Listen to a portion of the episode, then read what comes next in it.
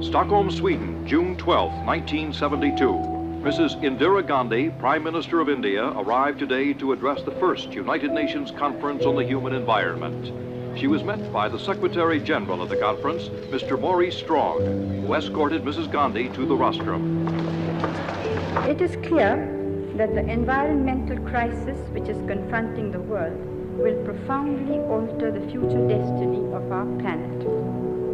No one amongst us, whatever our status, strength, or circumstance, can remain unaffected. Stockholm, Sweden, June 16, 1972.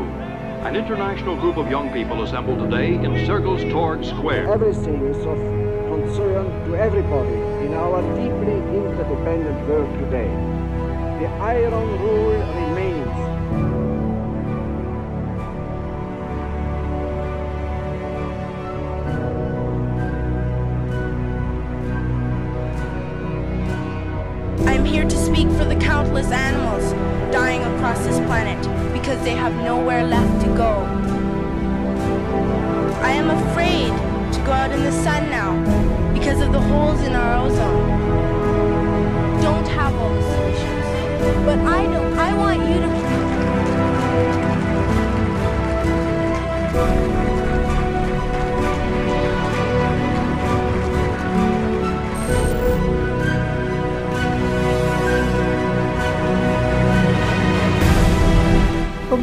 Bukan sekedar membangun GDP, no. Pembangunan membangun manusia yang miskin.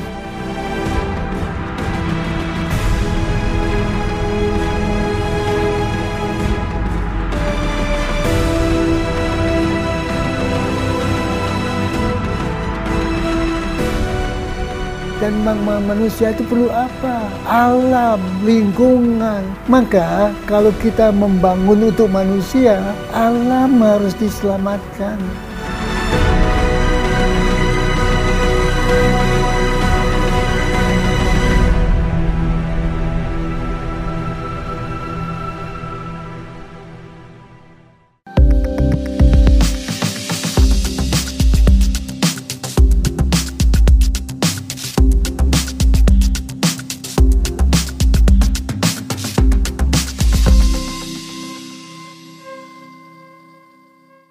Salam sehat pemirsa Tempo.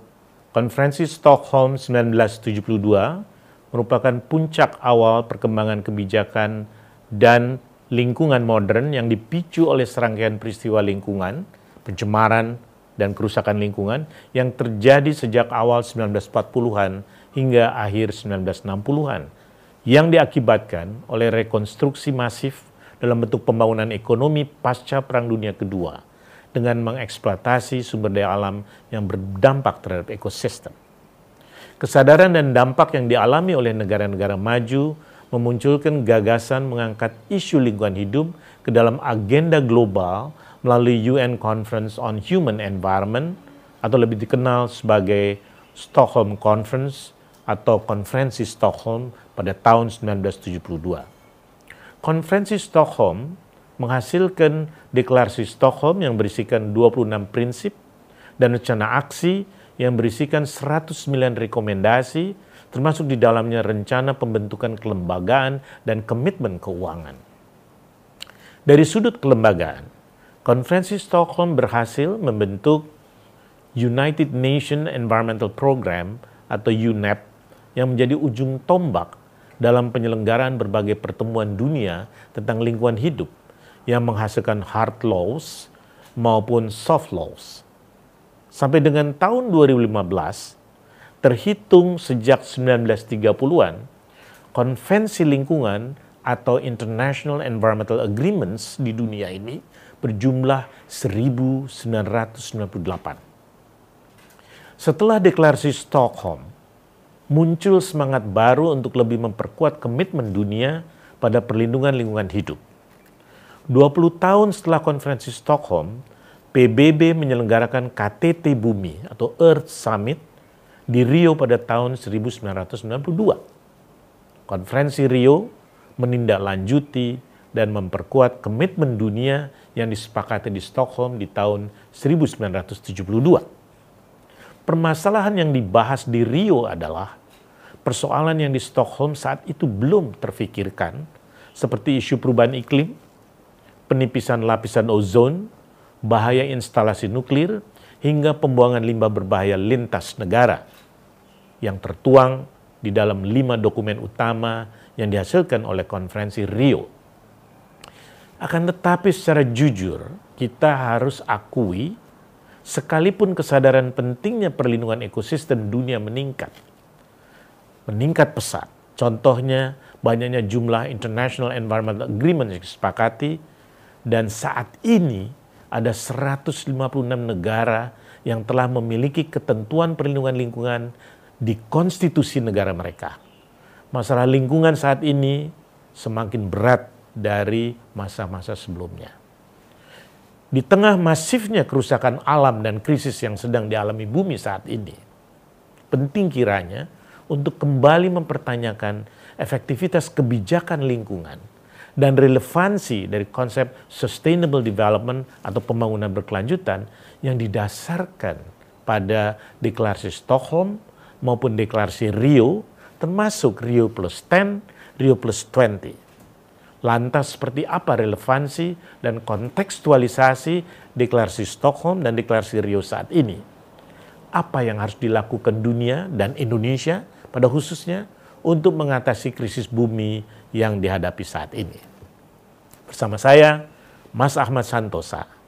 Satu jam bersama Pak Emil memperingati Stockholm 50 atau 5 tahun 50 tahun setelah konferensi Stockholm. Program ini bisa Anda saksikan di YouTube Tempo Media, juga bisa didengarkan di platform Spotify ngobrol.tempo. Program ini hasil kerjasama Tempo Media dan Indonesia Ocean Justice Initiative atau IOGI. Saat ini saya telah bersama Profesor Emil Salim, Beliau adalah mantan wakil kepala Badan Perencanaan Pembangunan Nasional Bappenas, Menteri Perhubungan, mantan Menteri Kependudukan dan Lingkungan Hidup, mantan Menteri Negara Pengawasan Pembangunan dan Lingkungan Hidup, kemudian juga mantan Ketua Dewan Pertimbangan Presiden atau One Team Press selama dua periode di era Presiden Susilo Bambang Yudhoyono.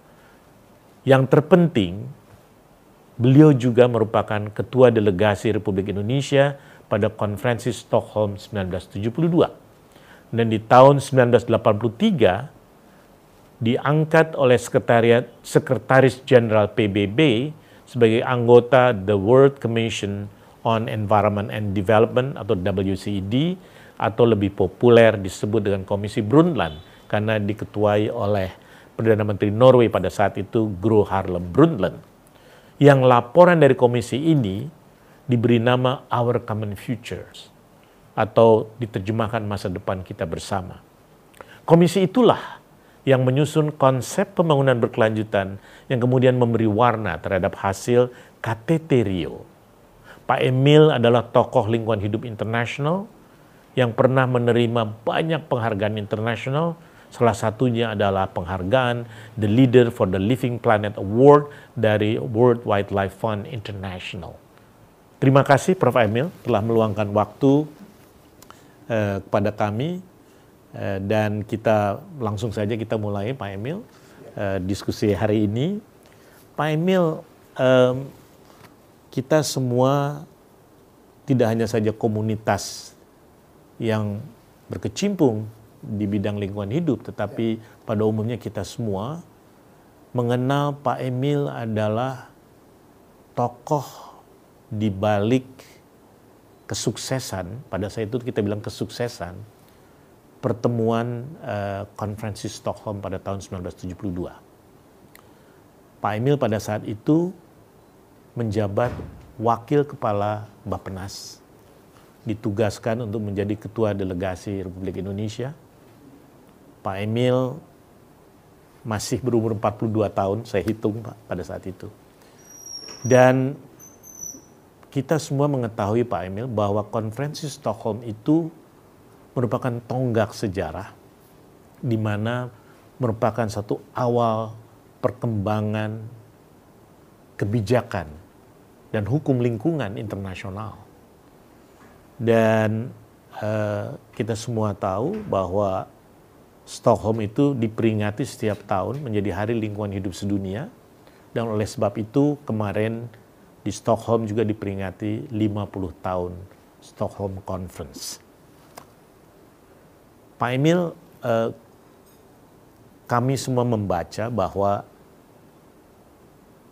merumuskan satu deklarasi Stockholm dan agenda aksi bukan hal yang mudah, Pak Emil. Karena ada dinamika yang sangat uh, menarik dan perdebatan yang begitu keras antara negara-negara selatan atau global south dengan negara-negara utara atau global north. Dan Pak Emil ada di negara-negara selatan ini. Bisa Pak Emil menceritakan dinamika yang terjadi pada saat uh, proses dari perumusan kesepakatan yang ada atau dihasilkan dari konferensi Stockholm itu? Terima kasih. Tahun 72 adalah berakhirnya sudah situasi perang Vietnam dan sebagainya sehingga dunia sudah beralih ke proses pembangunan. Tetapi pembangunan yang bagaimana? Rupanya pembangunan yang ditempuh setelah itu adalah memanfaatkan hasil dari penemuan perang dunia itu di dalam pembangunan. Maka racun-racun dipakai untuk pertanian, DDT dan sebagainya. Sehingga lahir satu pola pembangunan dengan memanfaatkan hasil penemuan dari perang dengan merusak lingkungan. Maka muncul Carlson Rachel Carson dengan buku The Silent Spring. Tidak ada jangkrik yang berbunyi di musim semi. Kemudian, kalau kita kemudian melihat lebih lanjut lagi, mengapa alam ini kok jadi begini? Laut tidak lagi aman untuk ikan melahirkan penyakit binamata. mata apa yang terjadi di alam ini. Maka bingung orang-orang, bingung masyarakat. Maka berkumpullah ini menjadi latar belakang. Kebingungan melihat adanya perubahan besar di peri kehidupan dunia yang nampaknya pola pembangunan yang berlaku merusak alam dan kehidupan manusia. Maka berkumpullah tokoh-tokoh para pemimpin di Stockholm tersebut melakukan sidang pertama tentang lingkungan hidup. Saya pada waktu itu menjabat wakil ketua Bapenas dan kebetulan bertugas antara lain menyelesaikan masalah ekonomi Indonesia yang sedang digumuli, diliputi hutang-hutang yang banyak. Bersama dengan Pak Bijoyo, Rahmat Saleh, kerap kami harus pergi ke Stockholm, ke Amsterdam, ke Paris, pertemuan, menemui para dengan siapa kita berhutang negara-negara barat karena Indonesia menumpuk hutang-hutangnya. Dua, inflasi tinggi di Indonesia. Tiga, devisa tidak ada. Empat, unemployment tinggi. Ringkasnya, di kepala saya sebagai wakil ketua Bapinas ketika itu penuh sesak pikiran pembangunan tanah air saya itu gimana? mengatasi masalah tantangan pembangunan. Maka kebetulan Pak Harto mengutus saya pergi ke Stockholm itu. Jadi bayangkan, kepala penuh sesak dengan otak utang persoalan tanah air yang ruwet, ekonomi macet, hut dan sebagainya, pergi pertemuan Stockholm. Duduklah saya di sana Maka orang bercerita tentang lingkungan. Orang bercerita tentang perlunya menyelamatkan alam. Orang bercerita tentang macam-macam. Ini apa ini? Maka hutan harus dijaga. Tidak boleh dibuka. Maka alam tidak boleh di... Masya Allah. Ini apa-apaan ini saya pikir. Apa kalian tidak tahu? Saya ini menghadapi hutang yang banyak. Dari mana negaraku membayar hutang ini? Jadi hati berontak di dalam diri. Maka ketika saya boleh bicara, saya bicara. Ini apa ini? Development sekarang menghadapi tantangan dari negara berkembang yang menghadapi utang yang banyak. Bagaimana kita mau cakkan masalah hutang? Jika alam tidak boleh dikelola, jika hutan tidak boleh dibuka, apa-apaan ini? Kira-kira begitulah nadanya. Jadi, jadi suara saya itu agak sedikit lain dari suara, suara di rapat itu. Pada pada sore hari saya diundang oleh Indira Gandhi. Boleh kami kita makan sama-sama. Indira Gandhi secara keibu-ibuan cerita beliau memimpin India yang miskin, banyak utangnya, banyak kemiskinannya dan sebagainya. Tetapi tidak berarti bahwa membangun India harus dengan merusak lingkungan. Karena yang menderita akibat rusaknya lingkungan adalah yang miskin yang miskin yang sudah tidak tinggal di gubuk, tidak punya air, tambah tidak punya air, menderita. Jadi, please understand bahwa lingkungan itu bukan untuk orang yang kaya, bukan melanggar pembangunan, tapi mencari pembangunan baru yang justru menolong kaum yang miskin teng lampu mulai nyala di kepala. Eh, rupanya yang dimaksud lingkungan ini lain ini. ini. Jadi setelah bercakap-cakap itu, keibu-ibuan itu bagus sekali beliau bicara itu. Saya diyakinkan lingkungan adalah cara membangun, menyelamatkan kaum yang miskin. Nah, itu yang saya pegang. Itu yang saya jadikan pegangan di dalam menanggapi persoalan eh, lingkungan dan merubah pikiran saya. Oke, okay, jika itu patokannya, I agree. Nah, dengan semangat itu saya pulang ke tanah air, saya lapor ke presiden dan saya sampaikan pada presiden, Pak, inti pokok dari lingkungan adalah menyelamatkan kemis pembangunan melalui kemiskinan. Nyambung kita sama Pak Harto. Dah. Tugas saya berikutnya setelah selesai soal IGGI, utang macam-macam, menjadi keperhubungan. Di dalam perhubungan itu, saya kesempatan melihat tanah air Indonesia.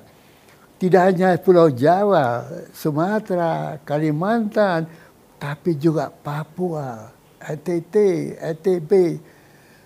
Maka tiba-tiba tampak di muka saya kemiskinan Indonesia. Astagfirullah.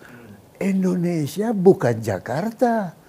Indonesia bukan Jawa. Indonesia adalah ini.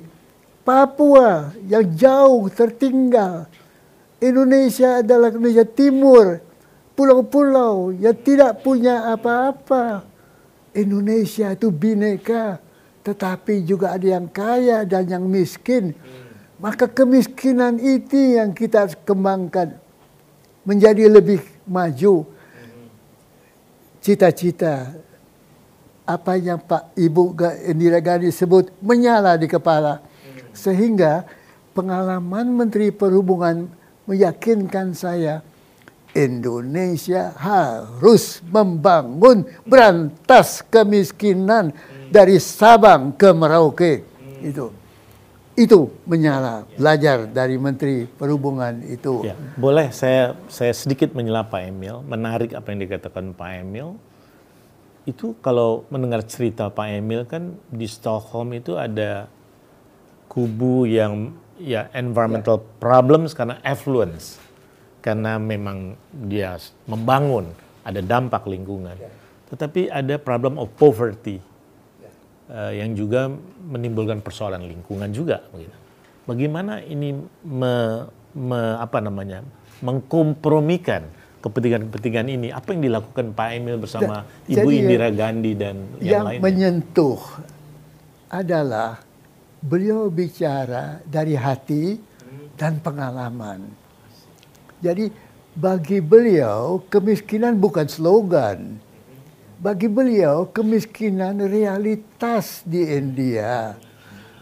Jadi kata beliau, bagi saya pembangunan mengangkat kaum miskin keluar dari kemiskinannya itu tugas manusiawi dan itu tugas kita mengembangkan lingkungan. Lingkungan dikaitkan dengan memberantas, mengatasi kemiskinan. Di situ titik temu saya menganggap lingkungan bukan hanya sekedar tanam pohon, hijau daun, macam-macam, upacara ini, upacara itu. No, lingkungan itu merubah environment agar masyarakat itu tumbuh secara adil. Bukan hanya yang kaya yang maju, tetapi juga yang miskin maju. Mengapa yang miskin tertinggal? Karena sumber daya alamnya terbagi, tidak adil terhadap yang kaya dan yang miskin. Jadi jauh makna uraian dari Indira Gandhi kepada diri saya. Maka masalah memberantas kemiskinan melalui lingkungan bukan lagi slogan. Dia menjadi satu keyakinan. Lingkungan berarti identik dengan berantas kemiskinan. Nah itu yang menjadi apa namanya itu ya pekik perjuangan lah di dalam hati kecil gitu. Nah ketika kemudian setelah jadi Menteri Perhubungan saya ditugaskan menjadi Menteri Lingkungan. Nah ini juga menarik menjadi Menteri Lingkungan. Saya ini di Menteri Perhubungan pada waktu itu. Pagi-pagi hari ditelepon sama Pak Harto supaya datang di Tanjung Priok. Itu tahun 78, Pak ya? Tahun 78 ya. ya. Nah, pergilah kita Tanjung Priok. Masuk, beliau itu punya kapal motor gitu. Duduk di kapal motor. Beliau diam, saya diam juga. Jalan kita. Keliling keliling Jakarta Bay yang busuk, kotor dan sebagainya. Saya jadi heran ada apa ini yang busuk, kotor, macam-macam. Beliau tenang melihat. Terus dia bilang, Pak Emil, Bapak lihat tak ini? Apa Pak ini? Kotor, busuk, bau. Mari kita dari Jakarta B, kita keluar. Kita keluar. Masih tetap kotor, bau, busuk. Ini. Indonesia ini sekarang tahun 78 sudah begini. Bagaimana tahun 2000? Ke mana Indonesia ini dengan dia punya kotoran-kotoran, dia punya limbah dan sebagainya ini. ini. Beliau bicara hutan juga kalau tidak salah. Ya. Jadi beliau apa semacam frustrasi gitu ya. Jadi menumpahkan apa itu uh, unek-uneknya itu, uh, unek-uneknya sekarang saja sudah begini 78. Bagaimana tahun 2000? Ini tanah air Indonesia itu tanah air Indonesia indah, cantik. Mengapa jadi begini? Kata beliau. Nah, ingat lingkungan itu. Jadi lingkungan harus kita perbaiki.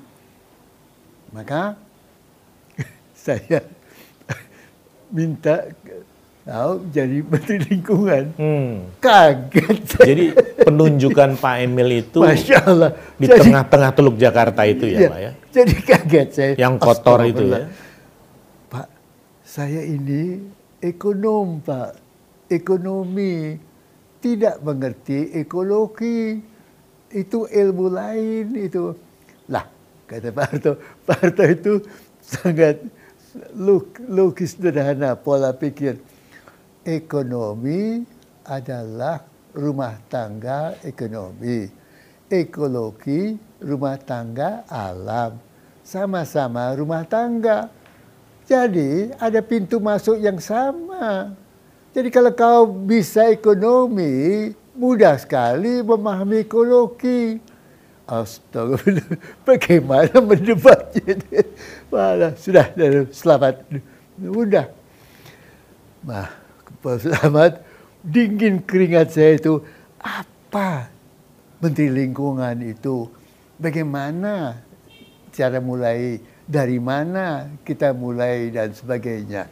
Nah, dengan seribu satu soal itu, saya pulang ke rumah itu. Dan dari sanalah, ya, pertama-tama saya jumpai Buya Hamka. Buya, saya bilang, saya ini mendapat tugas menjadi Menteri Lingkungan. Saya tidak mengerti lingkungan apa. Oh, itu ada di Quran, kata beliau. Tapi saya tidak tahu, saya beliau. Nah, begini kata beliau. Kau pergi ke pondok pesantren Anukayah Golok-Golok di Madura. Kiai Haji Basit. Beliau kasih surat ke Basit. Dua, kau pergi ke Pater Bolen di Maumere. Ah, Ini, dia bilang. dah. Coba bicara dengan dua orang itu. Saya pergi ke kedua tokoh itu. Guluk-guluk Madura kering, Bung. Panas. Kering, gersang. Eh, ada pondok pesantren. Eh, ada santri-santri menanam pohon. Tiap hari nanam pohon di sana itu. Ketemu saya dengan Kiai Basit. Duduk.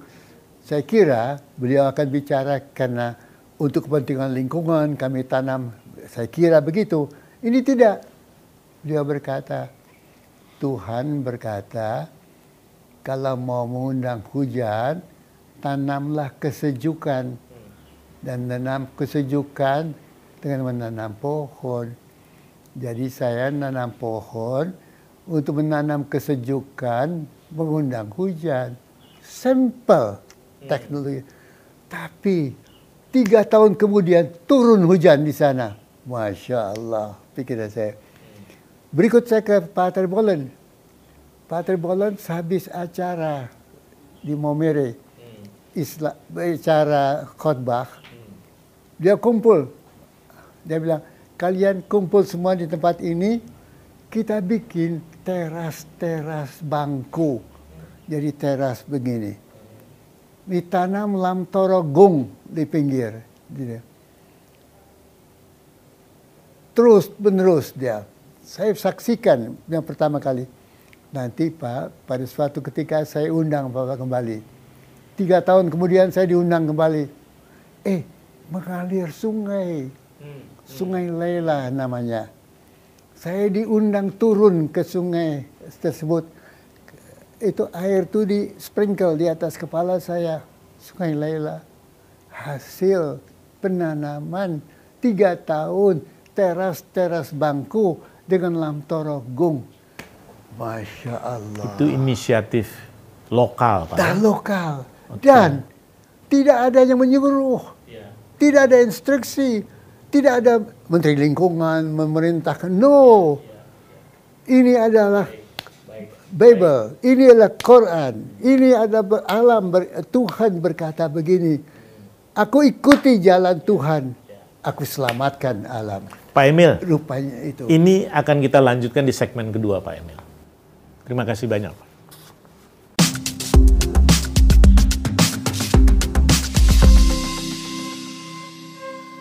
Pemirsa, masih bersama saya Mas Ahmad Santosa dalam podcast Ngobrol at Tempo, satu jam bersama Pak Emil memperingati Stockholm Plus 50. Program ini bisa Anda saksikan di YouTube Tempo Media, juga bisa didengarkan di platform Spotify Ngobrol at Tempo, dan kita lanjutkan diskusi uh, segmen yang kedua ini. Pak Emil, uh, menarik tadi apa yang dikatakan oleh Pak Emil Pak Emil setelah ditugaskan oleh Presiden untuk menjadi Menteri Kependudukan dan Lingkungan Hidup, Pak Emil langsung belajar ke masyarakat. Bagaimana melakukan secara real tentang uh, menjaga ekosistem, menjaga lingkungan hidup. Nanti Bapak bilang ke Maumere, lalu ke pesantren di Madura, dan lain sebagainya. Nah, um, kami ingin kembali lagi ke Stockholm sedikit Pak ya, ke ya. Stockholm. Um, tadi Bapak mengatakan bahwa uh, boleh dikatakan semangat Stockholm itu memang awalnya adalah mengatasi masalah dari affluence karena pembangunan sehingga ada dampak dari pembangunan. Bapak tadi sebut Carson tentang uh, uh, Silent Spring. Yeah dan kemudian banyak pencemaran di Minamata, lalu kemudian uh, Love Canal di New York dan lain sebagainya, Pak. Artinya ada problem di situ yang tetap ingin diperjuangkan oleh negara-negara utara. Tapi Bapak Indira Gandhi dan teman Bapak dari Brazil dan negara-negara lainnya itu mengatakan this is problem of poverty. Nah, jadi uh, bagaimana Bapak melakukan persuasi dengan teman-teman dari selatan itu sampai bisa mewujudkan atau menyusun satu deklarasi yang sebetulnya uh, itu judulnya adalah pembangunan tanpa merusak lingkungan. Dan pada saat itu, Pak, itu prinsip-prinsip Stockholm itu adalah sangat bagus, sangat baik. Pada saat itu dan lalu kemudian diperkuat juga nanti di dalam konferensi Rio. Nanti kita bicarakan itu. Bagaimana Pak sampai kepada uh, hasil dari uh, dalam bentuk deklarasi Stockholm dan agenda aksi? Ya. Sebetulnya roh dari Stockholm itu sebenarnya Indira Gandhi, bukan saya. Jadi yang sebetulnya menyuarakan suasana, semangat, dan sebagainya dari negara berkembang adalah Indira Gandhi. Dan cara dia bicara itu sangat persuasif. Bayangkan, saya tadi semula anti lingkungan. Ingat, jadi kepala saya itu penuh dengan pembangunan, membayar utang, mengatasi infrastruktur dan sebagainya. Untuk itu perlu uang. IGGI itu harus dibayar utangnya, perlu uang dan perlu uang itu dengan resource yang ada, resource yang ada hutan, yang hutan dijual. Itu logika A, B, C. Jadi konvensional, saya bukan orang lingkungan ketika itu. Tetapi Indira Gandhi menyentuh apa itu ya senar yang dalam di sini ya. Pembangunan lebih dari itu. Pembangunan bukan sekedar membangun GDP no. Pembangunan membangun manusia yang miskin. Dan manusia itu perlu apa? Alam lingkungan. Maka kalau kita membangun untuk manusia alam harus diselamatkan tidak betul kalau Silent Spring alam rusak menghancurkan manusia. Tidak betul kalau kita menangkap ikan lalu kita mati karena makan ikan dari alam. Salah itu. Maka lingkungan menjadi penting karena dia harus menyelamatkan kehidupan manusia. Hmm. Jadi sebetulnya beliau menurut hemat saya rocknya dari Stockholm dan cara beliau bicara itu sangat persuasif. Tidak ada serang sini, serang sana. No, tapi simple, sederhana. I'm from a developing country, negara berkembang. Saya, rakyat saya miskin. saya perlu pembangunan, tapi saya sadar pembangunan yang saya ingin bukan merugikan kaum miskin, tetapi justru mengangkat kemiskinan itu dari lembah kemiskinannya melalui perbaikan lingkungan sehingga pembangunan tidak boleh merusak lingkungan yang menghantam kaum miskin. Nah, itu apa itu ya? Tema pokok yang menonjol, yang melekat di kepala saya. Maka membangun lingkungan bukan hanya menanam hijau, ya. hijau royo, gunting pita untuk tanam pohon, bukan itu saja. Ya, Tapi result dari lingkungan adalah the poverty, kemiskinan itu hilang iki loh. Mm-hmm. Baik. Jadi menarik Pak. Artinya Bapak melihat pertama adalah Indira Gandhi berbicara realita facts di negaranya. Yang kedua the power of diplomacy atau persuasion dia luar ya. biasa Pak ya. ya. Memang uh, beliau seorang yang karismatis ya Pak ya. ya. Indira Gandhi. Baik Pak Emil. Lalu Pak Emil tadi sudah cerita setelah kembali Pak Emil melapor pada Presiden Soeharto. Dan saya melihat GBHN, Garis-Garis Besar Haluan Negara pada saat itu, tahun 73, itu sudah ada soal lingkungan. Ya. Apakah itu hasil Pak Emil untuk memasukkan ya. di situ? Bagaimana prosesnya pada saat itu? Jadi, saya adalah wakil ketua Bapak Inas. Ya salah satu yang bertanggung jawab untuk merumuskannya. Bayangkan, kau harus merumuskan ide pembangunan, sedangkan di kepala ini di satu pihak ada pengalaman IGGI, di lain pihak ada pengalaman Stockholm.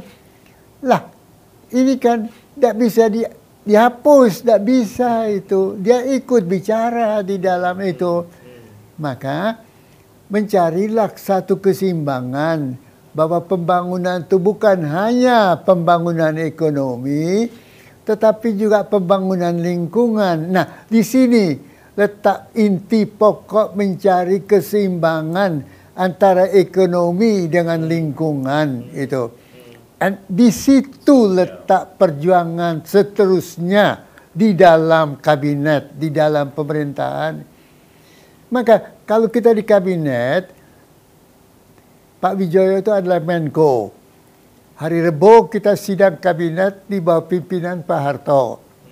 Hari Senin, Pak Wijoyo kumpul semua menteri-menteri. Sebelum kita menghadapi Pak Harto hari Rebo, apakah ada disagreement antara kalian, kalian para menteri? Ya jelas ada disagreement saya dengan Menteri Kehutanan, saya dengan Menteri Industri, saya dengan macam sebab ini kan sektor, ya. Ini lingkungan, ya jelas ada beda. Jadi perdebatan rame kita bom bom bom rame debat. Nah pada pertemuan itulah ada semacam kompromi solusi yang Vijay kemudian bilang nah, ini tidak usah diangkat, ini kita angkat untuk keputusan. Nah, jadi sudah ada apa itu meeting of mind pada hari Senin untuk hari Rebo di, di depan Pak Harto kita tidak berkelahi gitu. Tapi pada hari Senin berkelahi bung. Dengan Menteri Kehutanan, masya Allah, dengan Menteri Industri, saya masih ingat. Menteri Industri bilang pada saya, Pak Emil, coba Bapak Emil jangan melihat ke industri, bab sektor industri diabaikan dulu, kasih apa free dulu lah. Supaya saya menteri bisa tumbuh itu. Hmm. Jadi bebaskan saya dulu itu.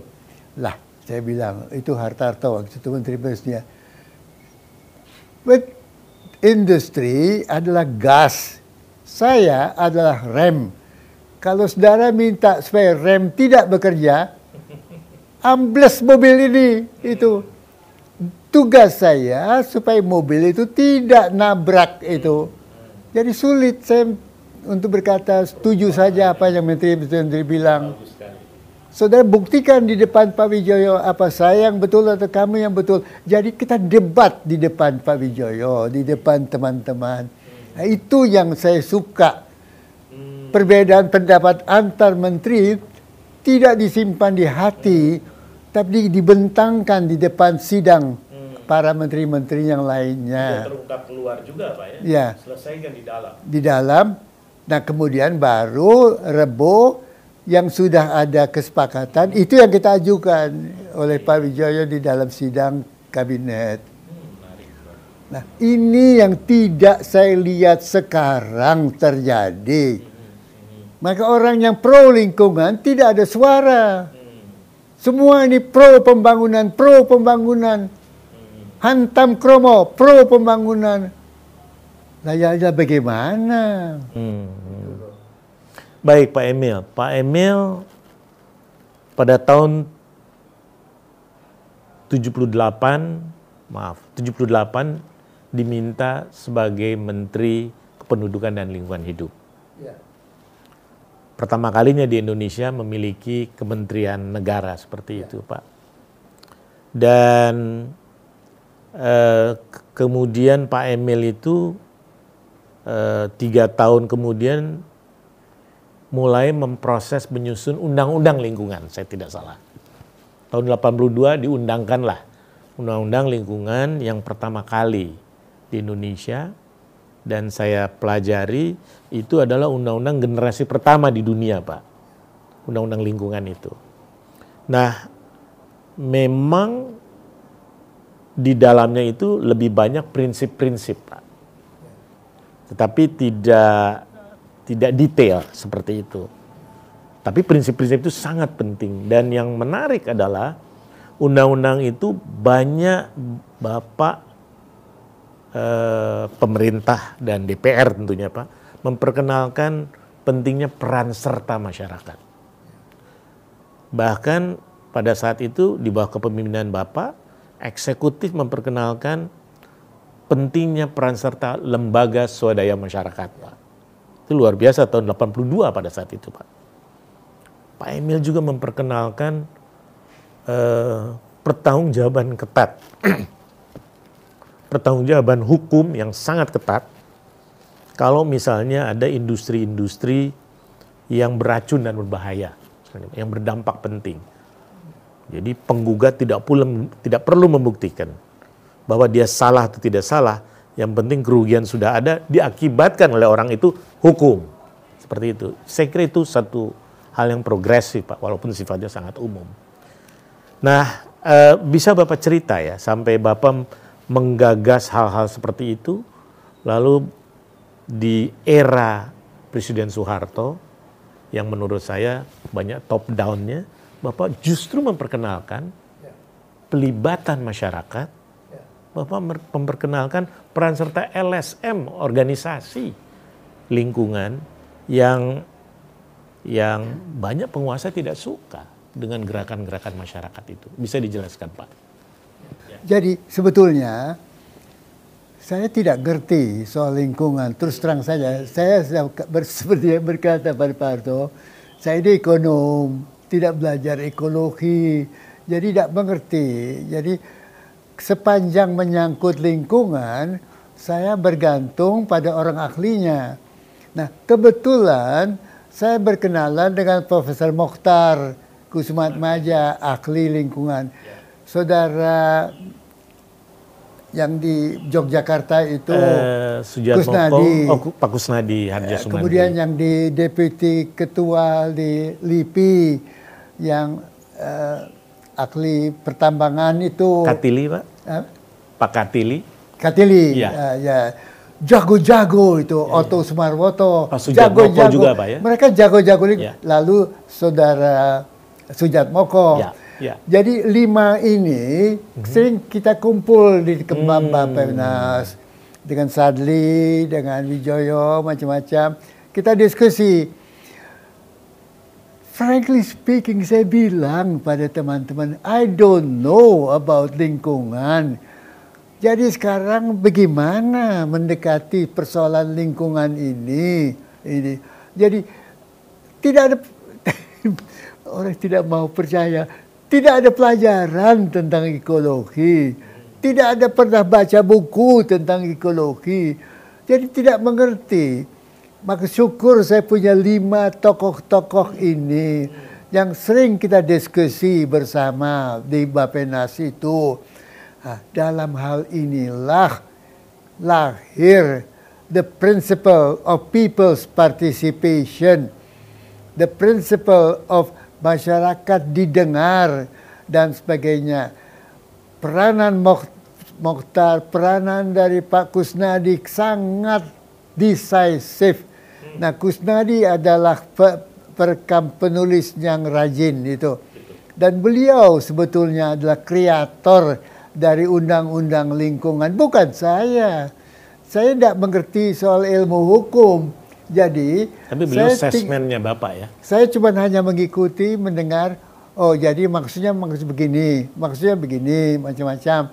Jadi bayangkan ya, ada satu tim Sujat Moko, Katili, Katili. Mokhtar, kemudian si hmm. uh, Kusnadi, macam-macam.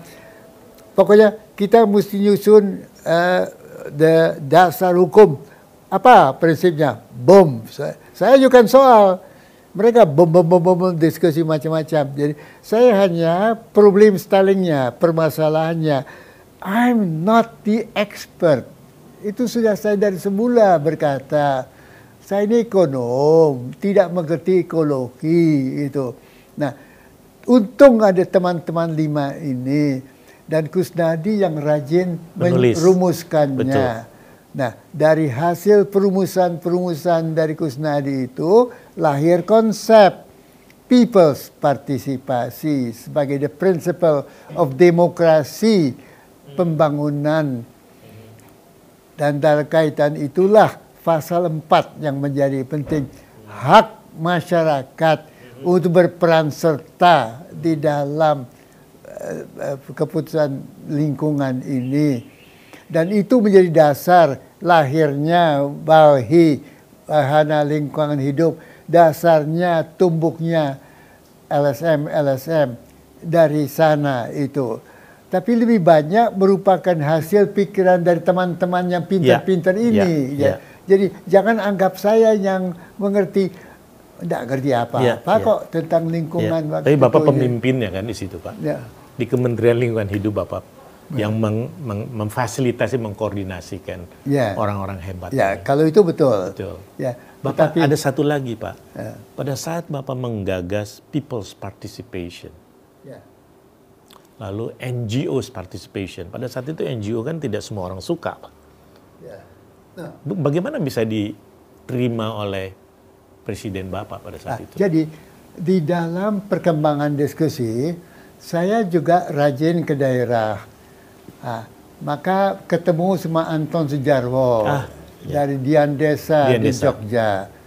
Saya lihat cara dia mengatasi kekurangan air di Gunung Kidul. Swadaya, luar biasa. Saya Bambang Ismawan dari Bina Desa Majalah Trubus. Dia swadaya membangun di, di, di daerah di desa. Menariknya adalah pada suatu ketika dia telepon saya minta bantuan agar dapat mengizinkan Pak Bupati mengizinkan supaya dia membuka proyek yang mereka sedang mau diresmikan. Rupanya proyek itu dilarang oleh Bupati.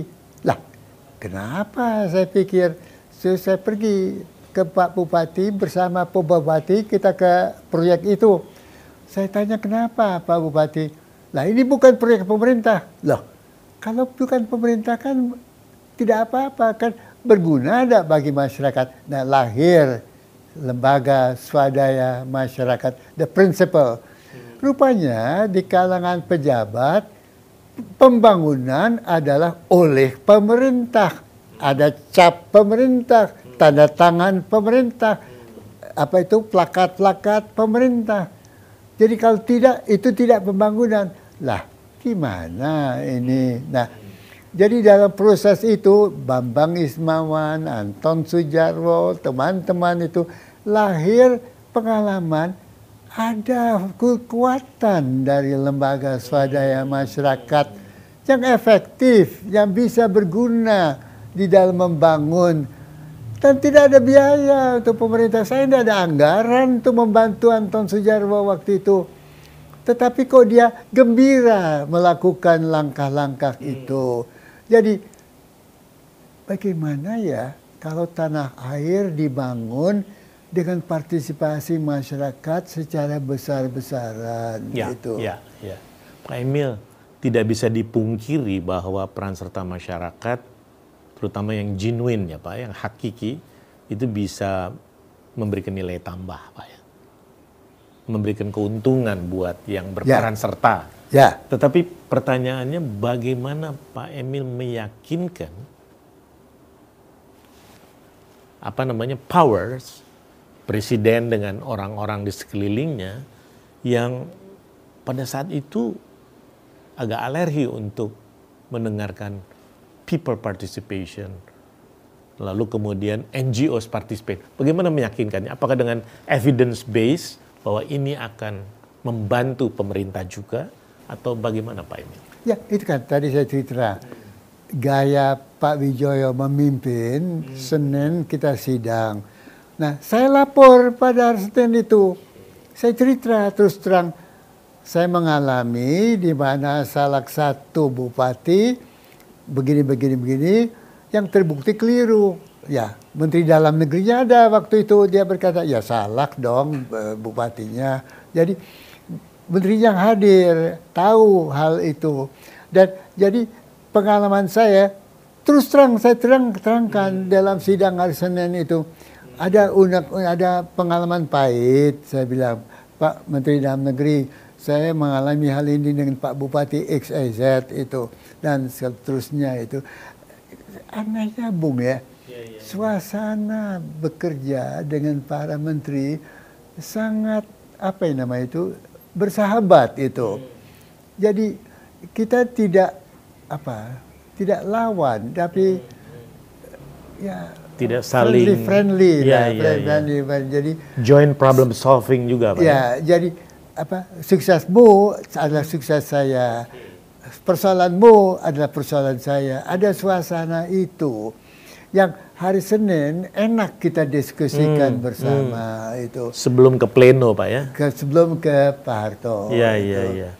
Jadi one government yang lah tampil ke depan. Nah itu yang saya sangat nikmati zaman itu, zaman Pak Wijoyo itu. Atmosfernya memang Ya. sangat kondusif Pak ya untuk Ya, berdebat. Jadi, dan saya terus terang berkata ini partisipasi apa dari masyarakat pasal 4 dari undang-undang itu hak peran serta dimaksudkan seperti ini. Itu apa yang kita alami apa yang saya alami dengan Pak Bupati apa yang saya alami dengan Anton Sudarmo. Terbukti masyarakat bisa ikut membantu sehingga seluruh kita ikut merasakan manfaatnya. Itu. Jadi tidak ada rasa bagaimana ya da, da- heran saya apa enak lah Baik Pak Emil. enak Nanti kita lanjutkan Pak Emil, jangan ke mana-mana, kami segera kembali.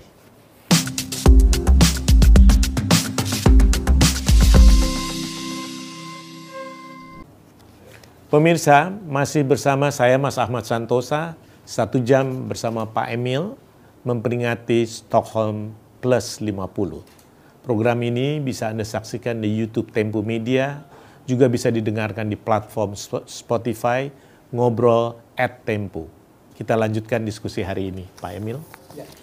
Pak Emil, em, setelah Pak Emil jadi Menteri Lingkungan, waktu itu Menteri KL, em, Menteri Kependudukan dan Lingkungan Hidup, em, tahun 83, Sekjen PBB meminta Bapak sebagai anggota dari World Commission on Environment and Development. Populer disebut dengan Komisi Brundtland. Karena diketuai oleh Ibu Gro Harlem Brundtland. Dan menurut saya kenapa kami tanyakan? Karena pekerjaan Bapak itu selama lima tahun penting Pak. yang melahirkan Our Common Future. 83 Bapak diangkat, lalu kemudian 87 Bapak luncurkan dengan kawan-kawan Our Common Future. Report itu sangat penting sekali Pak. Dan sepertinya kalau saya tidak keliru Pak, report itulah yang memberikan warna terhadap hasil dari KTT Bumi 1992. Yang Bapak di situ sebagai sebagai tokoh penting juga dan dihadiri oleh Presiden Soeharto pada saat itu. Nah, bisa Bapak ceritakan apa pengalaman Bapak selama hampir lima tahun Bapak di WCE, di World Commission on Environment Development, bersama tokoh-tokoh lainnya di dunia, termasuk Ibu Brundtland, Ibu Gro Harlem Brundtland, di dalam merumuskan yang pada akhirnya orang mengenalnya sustainable development atau ya. pembangunan berkelanjutan. Ya, jadi seperti saya telah kemukakan, saya tidak mengerti soal lingkungan. Karena saya itu ekonom. Jadi training saya ekonomi dan tidak ada mengerti lingkungan. Perubahan penting terjadi ketika menjadi anggota dari The Brundtland Commission. Berkumpullah tokoh-tokoh lingkungan, jago-jago dunia yang ada. Masya Allah, belajar banyak saya dari mereka. Salah satu adalah tokoh Sabura Okita. Hmm yang membangun Jepang. Ya. Dia berkata pada saya, kalau saya boleh mulai lagi, saya akan mulai pembangunan Jepang differently, berbeda dari sekarang. Apa yang kita bangun di Jepang keliru karena merusak lingkungan. Ingat Minamata dan sebagainya. Ya, ya, nah, dari sana lahir pola pikir pembangunan berwawasan lingkungan. Bagaimana to reconcile, gabungkan pembangunan dengan lingkungan? Lahir pembangunan triple track ekonomi, sosial, lingkungan. Lahir pola ekonomi yang menuju kepada semacam apa matrix di mana pembangunan ekonomi mempunyai dampak pada sosial, dampak pada ekonomi. Sehingga lambat laun terjadi interaksi antara ekonomi, sosial, dan lingkungan. Dan pola ekonomi berkelanjutan hanya mungkin apabila antara ekonomi, sosial, dan lingkungan ada saling kait-mengkait. Nah, itu adalah hakikat dari pembangunan berkelanjutan. Nah, tentu detailnya saya belajar banyak dalam diskusi. Bayangkan tiap hari, tiap malam dengan tokoh-tokoh ini yang mengerti berdiskusi. Ah, itu adalah pelajaran saya yang sangat berharga. Tanpa itu tidak mengerti saya soal lingkungan. Tetapi setelah dua tahun kita bergaul, berdidapat, lantas mengunjungi daerah di lapangan, mempersoalkan keadaan di daerah lapangan. Jadi kaki pun melihat ke daerah. Masya Allah, pelajaran maha penting. Itu satu. Kemudian saya diminta oleh the World Bank menjadi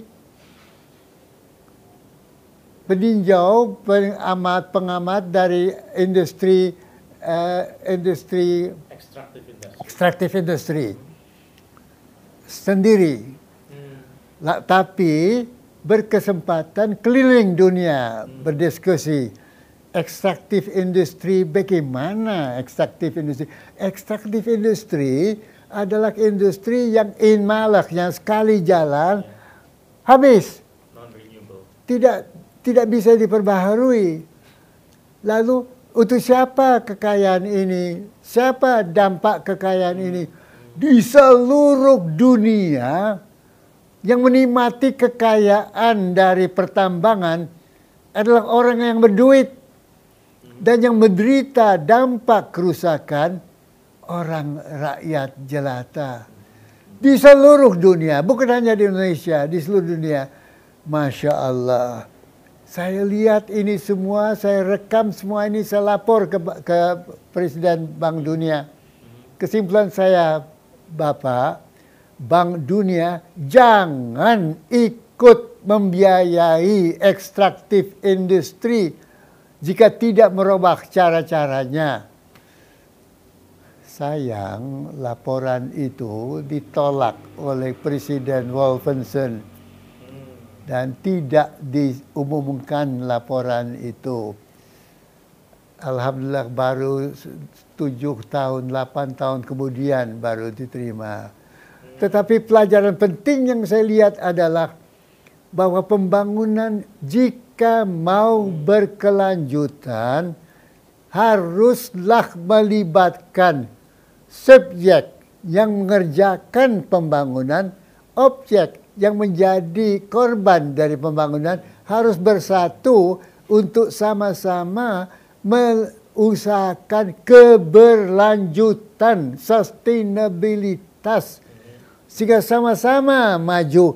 Jangan yang memiliki resource maju tapi yang di masyarakat rugi, keliru itu. Nah ada cara dan sebagainya.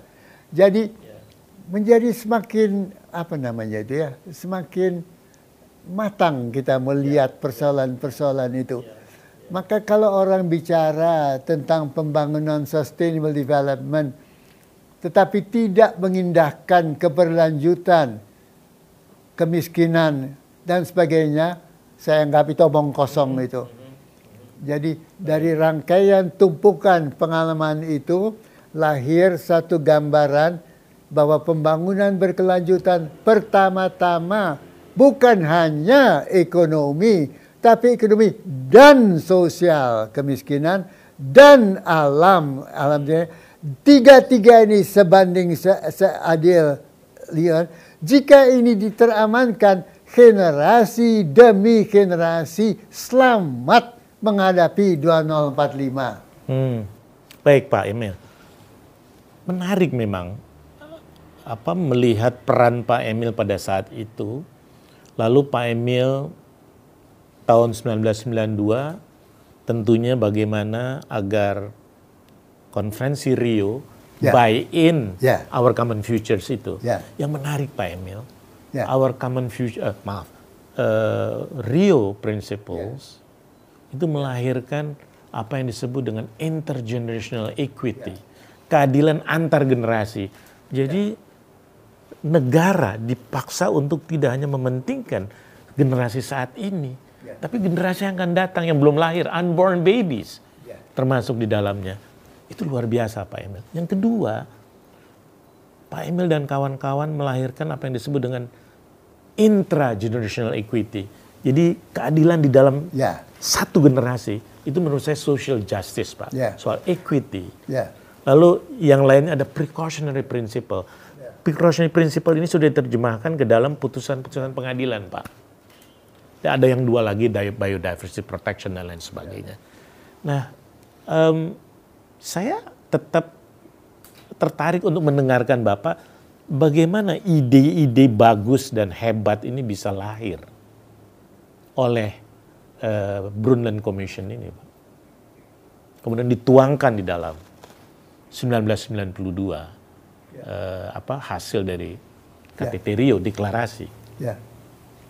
Jadi di forum internasional saya punya semacam kumpulan di bawah pimpinan Maurice Strong dan apa Gro, Gro Brundtland yang tokoh-tokoh dari The Brundtland Commission itu di dalam negeri ada kelompok seperti teman saudara apa itu yang teman-teman dari Bapenas itu uh, yang juga kuat sekali. Jadi dua-dua ini terus terang adalah sumber ide saya. Ide-ide yang lahir bukan dari otak saya. Ide-ide ini dari dua ini, Sujat Moko, Katili, Katili apa uh, eh, Mokhtar Kuswat Maja, Pak Mokhtar, Pak Kusnadi, uh, Kusnadi dan sebagainya. Masya Allah, mereka itu luar biasa, Bung. Kalau kita diskusi sama mereka itu, enak itu. Jadi otak itu menjadi kaya, menjadi terbuka itu. Nah, dengan dua kekuatan otak luar negeri dan dalam negeri ini, saya dua memanfaatkan kedua otak ini.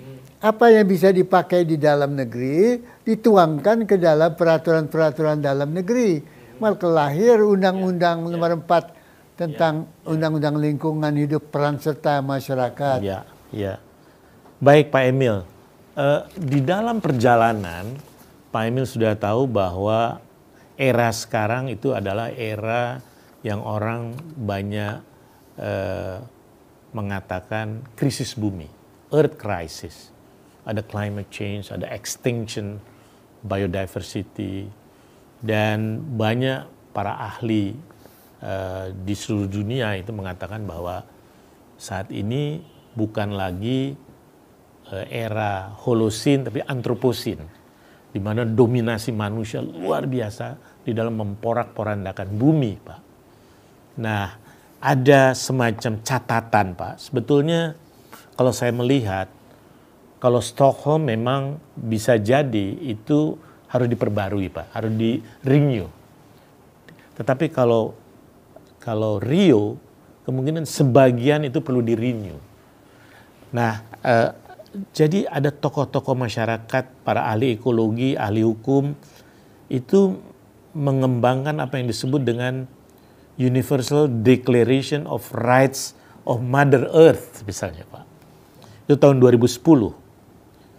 Kemudian ada uh, lagi Oslo Manifesto for Ecological Law and Governance 2016.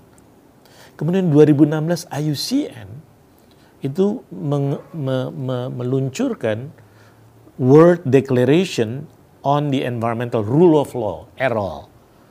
Dan itu sebetulnya melengkapi, Pak, apa yang sudah dikembangkan di Rio, kemudian dilengkapi di dalam di dalam apa namanya deklarasi-deklarasi. Sayangnya deklarasi yang sangat progresif ini bukan under United Nations system, Pak.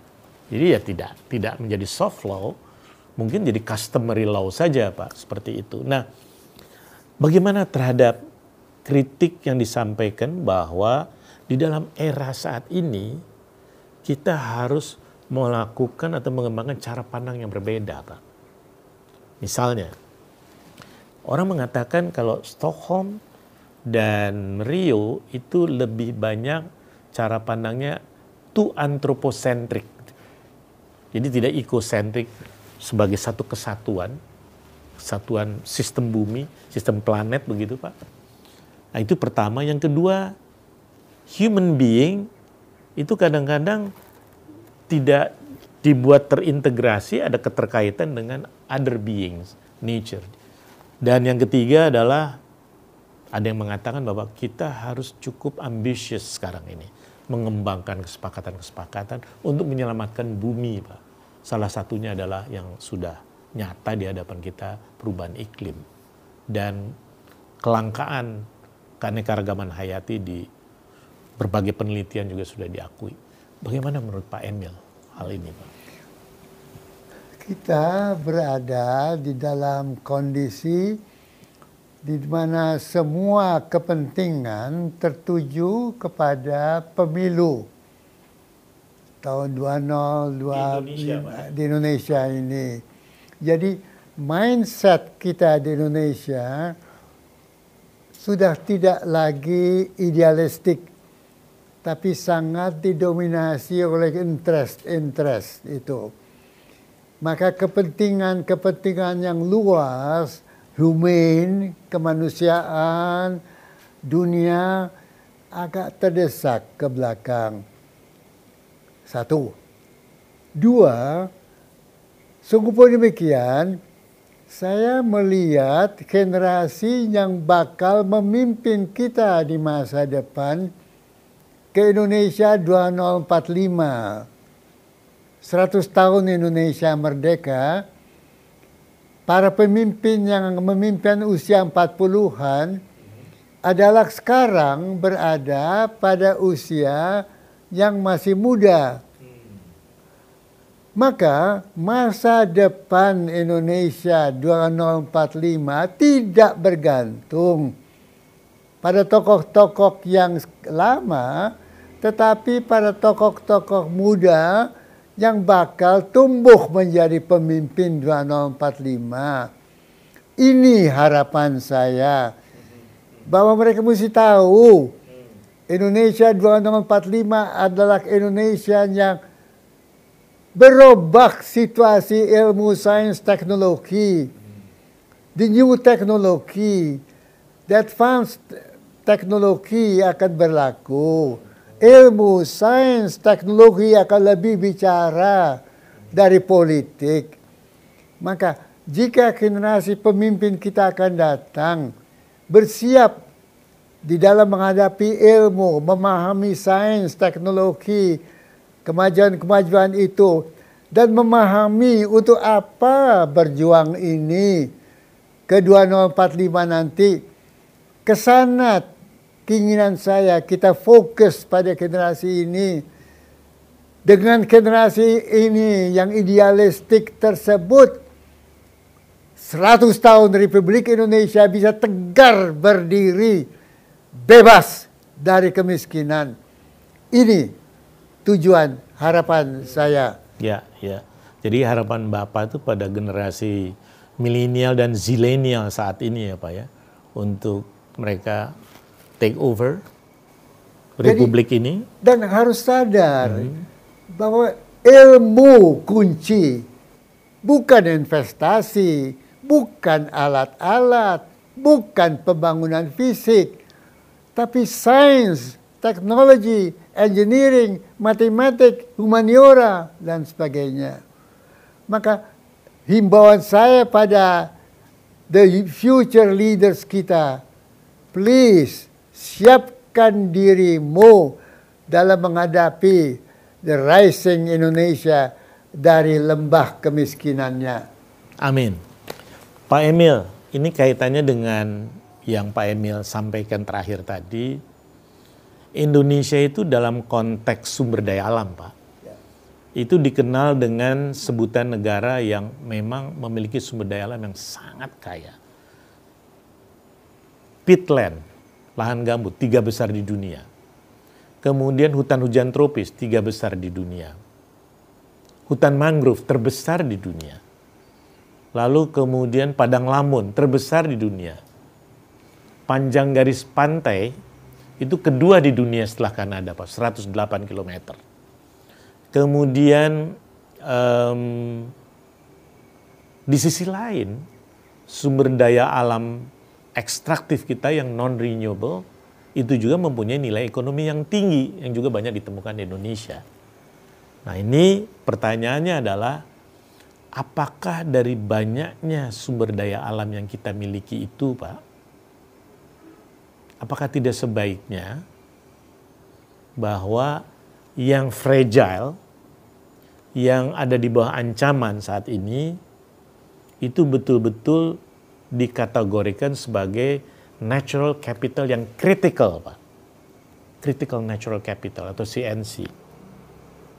Kalau critical natural capital konsekuensinya adalah sumber daya alam itu berhak untuk mendapatkan full protection, Pak full legal protection, constitutional protection, Pak. Saya ambil contoh di Ekuador, Pak. Di Ekuador itu boleh ada pengecualian, Pak, tapi pengecualiannya sangat berat, Pak. Terhadap sumber daya alam yang fragile dan threatened, itu pengecualiannya adalah harus dideklar secara publik, kemudian harus diputuskan oleh People National Assembly, DPR-nya Pak, dan kalau perlu disebutkan dalam konstitusinya itu di um, dilakukan referendum, Pak. Itu untuk mengecualikan sumber daya alam yang fragile dan threatened itu. Artinya berat, Pak. Nah, untuk menyelamatkan kita dan kita untuk tetap berada di dunia ini sama dengan negara-negara besar atau di atas negara-negara besar, itu kita harus betul-betul memiliki apa yang disebut dengan critical natural capital itu bukan hanya untuk saat ini, tetapi generasi yang akan datang, Pak. Apakah itu hutan alam primer, apakah itu gambut, apakah itu blue carbon, ekosistem blue carbon, itu menjadi critical natural capital. Menurut Bapak, apakah ini visible? Karena konstitusi kita, Pak, mengatakan pasal 33 ayat 3, sumber daya alam dikuasai oleh negara untuk sebesar-besar kemakmuran rakyat. 33 ayat 4 mengatakan bahwa pembangunan ekonomi harus didasarkan oleh prinsip-prinsip keberlanjutan dan berwawasan lingkungan. Artinya ecologically sustainable development itu ada di situ. Pendapat Bapak bagaimana Pak? Kata kunci adalah pemahaman para pemimpin dan rakyat kita, pemahaman ilmu mengenai bisa tidak memanfaatkan kita punya kekayaan alam secara bertanggung jawab. Ilmu itu memanfaatkan yang ada di Tembagapura bukan dari ilmu yang dimiliki tanah air para pemilik para ilmuwan kita. No, dia adalah ilmu dari asing. Tidak ada dari ilmu yang kita miliki sendiri. Jadi, kata kunci adalah banyak dari kita tidak tahu, tidak mengerti mengenai apa yang tadi saudara sebut tentang kekayaan alam. Jadi, kembali ke basic. Ilmu pengetahuan yang dimiliki rakyat kita, anak muda kita, sangat rendah dalam program of international students assessment PISA dalam membaca menu, matematika dan berhitung kita nomor 64 dari 70 negara. Jadi kembali ke basic. Otak anak muda harus dikembangkan untuk mengerti apa kekayaan alam kita untuk apa kekayaan alam ini? Bagaimana memanfaatkannya? Jangan selalu bergantung pada modal asing. Pada kemampuan otak bangsa Indonesia yang sebentar lagi 100 tahun merdeka. Jadi, orientasi pembangunan yang resource eksploitasi yang bergantung pada pihak luar, investasi luar, harus dirombak menjadi menciptakan sumber daya manusia yang ketinggalan agar di dalam tahun 2000 ini 2000 kemerdekaan 25 jadi 100 tahun merdeka nanti kita harus bisa membangun tanah air dengan kekuatan ilmu tenaga kita sendiri. Baru kita merdeka. Dan itu berarti develop science and teknologi. Berhitung, matematika, sains, teknologi, humaniora, ilmu. Perbesar dasar ilmu pengetahuan di seluruh desa. Hapus buta huruf, hapus buta digital kembangkan dasar pengetahuan dari Sabang ke Merauke. Begitu yang ingin saya lihat. Tidak usah tinggi-tinggi ide berfikiran kita. Kita tidak tahu makna kekayaan alam karena ilmu kita tidak sampai. Jadi, generasi muda yang membawa kita ke Indonesia 100 tahun merdeka mempunyai kewajiban untuk membawa kita, pendidikan kita, ilmu kita ke tingkat yang semakin tinggi agar mampu bersaing dengan Singapura, dengan dunia luar. Baik, terima kasih Prof. Emil atas uh, diskusinya uh, pada pagi ini. Tetapi sebelum kami tutup, uh, apakah Pak Emil ada pesan-pesan Tadi Pak Emil sudah memberikan pesan pada generasi muda, tapi saya ingin juga mendengar pesan Pak Emil untuk pemerintahan saat ini. Kita punya dua tahun lagi sampai dengan 2024. Dan sebentar lagi kita akan um, memilih presiden yang baru tahun 2024. Pesan Pak Emil apa terhadap uh, saudara-saudara kita yang sekarang ini sedang memimpin dan yang akan datang mungkin calon-calon pemimpin. Kecemasan saya bahwa karena kita menghadapi perubahan dua tahun ke depan, bahwa perhatian para politisi kita terutama kepada dua tahun ke depan ini reshuffle kabinet macam-macam apakah tujuannya tidak bersifat jangka pendek, maka bisa tidak kita dalam tempo dua tahun ini memusatkan perhatian pada mempertingkatkan kualitas human resource manusia Indonesia yang jauh ketinggalan. Bisakah para politisi sepakat untuk dua tahun ke depan pusatkan pada peningkatan kualitas putra-putri Indonesia kita yang jauh ketinggalan. Tidak banyak yang saya minta. Please, tingkatkan pendidikan. Amin.